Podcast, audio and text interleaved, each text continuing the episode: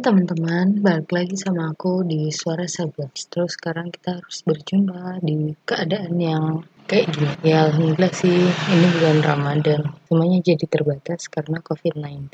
Stay safe ya semuanya, semoga kalian sehat selalu. Jangan lupa nikmatin apa yang ada sekarang, karena kita nggak pernah tahu. Um, aku tahu sih kalau dengan kondisi yang sekarang ini, kita semua jadi gampang stres, kita semua pada tertekan karena kita jadi terbatas aksesnya buat ke mana-mana.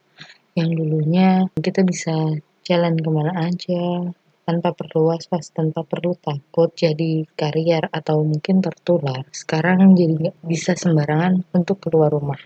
Ya, alhamdulillah deh di Indonesia sekarang jumlah pasien yang sembuh masih lebih banyak daripada pasien yang meninggal. Orang-orang sekarang udah mulai paham pentingnya jaga kebersihan, kesehatan, juga udah mulai paham pentingnya social distancing, physical distancing, bahkan di kota-kota besar udah mulai diberlakukan PSBB. Yang artinya kalian benar benar-benar nggak bisa keluar masuk daerah tersebut. Orang mulai banyak stres karena ya tadi mulai memburuk deh finansial terus apa ya banyak hal sih yang terjadi. Uh, intinya semua lapisan masyarakat kena dampaknya. Anak sekolahan, pendidik, pekerja, pengusaha, pedagang kaki lima, tukang ojek, semuanya. Siapa pun itu nggak mandang yang kaya atau yang miskin itu itu kita semua kena dampaknya. Ruang gerak kita jadi terbatas. Sekolah diliburkan, pengusaha, dan semuanya mengalami pendapatan yang menurun. We all are stressed out. Aku cukup sedih dengan apa yang terjadi di sekitarku terutama kehidupan perkuliahan semester akhir tapi nggak ngerasain bimbingan kayak manusia-manusia yang pada umumnya bimbingan tanpa adanya COVID-19 bisa ketemu dosen bisa curcolnya itu bisa langsung gitu. Lagi-lagi alangkah lucunya negeriku. Hmm, nggak sih. Alangkah lucunya manusia-manusia di kampusku. Protes sana sini mengukur ketidakadilan petinggi kampus. Sampai yang paling parah malam ini, aku menemukan salah satu akun sosial media kampus yang mestinya kita jaga bareng-bareng. Dia memutuskan untuk pamit. Kenapa? Karena adanya oknum-oknum yang mencibir ke akun itu soal kebijakan kampus dan tuduhan kalau akun tersebut ditunggangi sama petinggi kampus. Sedih banget kan? Nah, kali ini aku mau ngomongin tentang coping stress.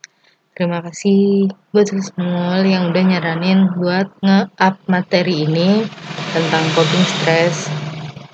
Nah, tentang kenapa kita perlu buat coping stress. Apa sih coping stress tuh? Jadi coping stress tuh artinya mengatasi stres. Gimana caranya kita buat menghandle stres kita biar nggak biar stres itu nggak membunuh kita gitu. Karena kebanyakan dari kita pasti pernah mengalami stres dan nggak jarang banget dari kita yang masih kebingungan gimana caranya buat mengatasi hal tersebut. Ada juga yang pintar banget mengendalikan diri biar nggak stres. Intinya coping stress itu menurut aku bentuk pengendalian tertinggi dari diri kita sendiri. Pintar-pintarnya kita deh mau gimana karena kalau kita udah bisa mengendalikan diri kita kita nggak gampang stres tuh dan gak nyiksa diri kita sendiri dan how to deal with it. Nah, di sini itu ada dua ahli yang meng, apa ya, mengemukakan strategi coping stress. Mereka membagi coping stress itu dalam dua strategi kelompok besar. Nah, yang pertama ada emotional focus coping. Cara ini bertujuan untuk melakukan kontrol terhadap respon emosional. Nah, dari situasi yang menyebabkan stres itu, entah pendekatan secara perilaku ataupun secara nalar. Nah, Lazarus sama Folkman bilang kalau individu cenderung menggunakan emotional focus coping itu ketika dia memiliki persepsi bahwa stressor, stressor ini pemicu stresnya itu gak bisa diubah, udah gak bisa diapa-apain. Nah, ini tuh ada lima anak poin. Yang pertama itu self control. Nah, di sini kalian tuh diminta untuk mengendalikan diri sendiri, mengatur emosi, nggak tergesa-gesa buat melampiaskan amarah. Yang kedua ada seeking social support. Di sini kalian mencari dukungan sosial entah dari teman, sahabat, keluarga, intinya dari orang sekitar kalian untuk mendukung atau bersimpati ke kalian. Terus yang ketiga ada positive reinterpretation. Ini tuh respon dari orang tersebut, orang yang stres tuh dengan cara dia mengubah terus mengembangkan kepribadiannya atau dia juga bisa mengambil sisi positif dari masalah yang dia hadapi. Yang keempat, ada acceptance, yaitu kemampuan kalian untuk menerima. Ini bisa dikatakan dengan pasrah, karena kalian udah gak ngerti lagi gimana caranya buat memecahkan masalah itu. Yang terakhir ada denial, yaitu pengingkaran.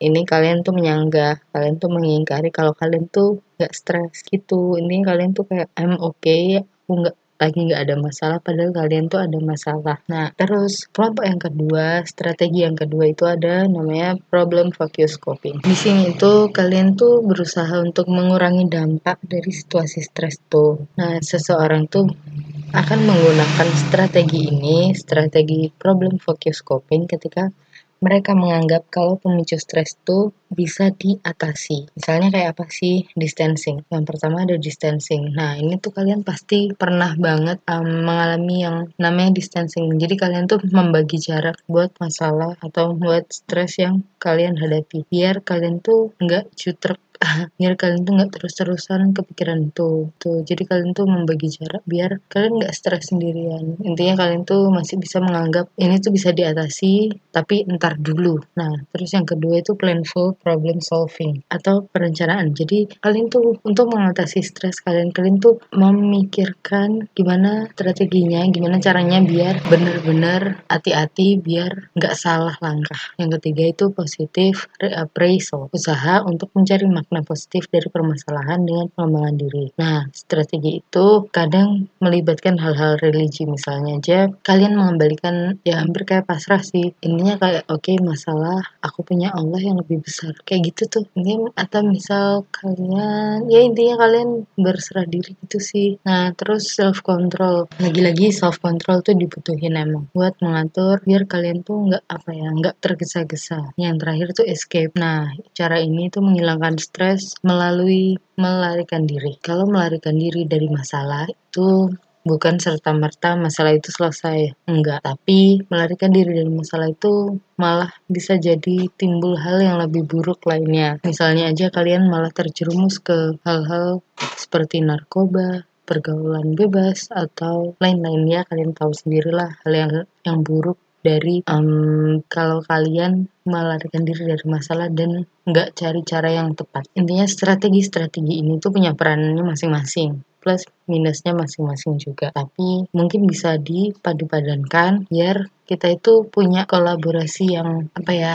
paling the best buat pengendalian diri kita sendiri. Nah intinya kalian yang paling tahu diri kalian. Kalau kalian udah merasa jenuh, kalian udah merasa lelah, kalian butuh istirahat, kalian butuh asupan gizi yang cukup, kalian butuh seneng. Kalau kalian udah mulai ngerasa jenuh, kalian tuh harus cari cara buat nyenengin diri kalian sendiri. Mungkin awalnya tuh susah buat belajar coping stress, buat belajar menghandle diri kita dari stres, mengatasi itu. Nah tapi nggak ada salahnya belajar biar nggak dikit-dikit stres dikit-dikit protes. So stay safe teman-teman. Jaga kesehatan. Jaga kesehatan itu bukan sekedar fisik tapi jasmani mental kalian tuh juga perlu dijaga. Intinya cari hal yang baik yang bisa bikin kalian terlepas dari stres. Semangat kita semua bisa menghadapi pandemi ini. Semangat guys. Thank you.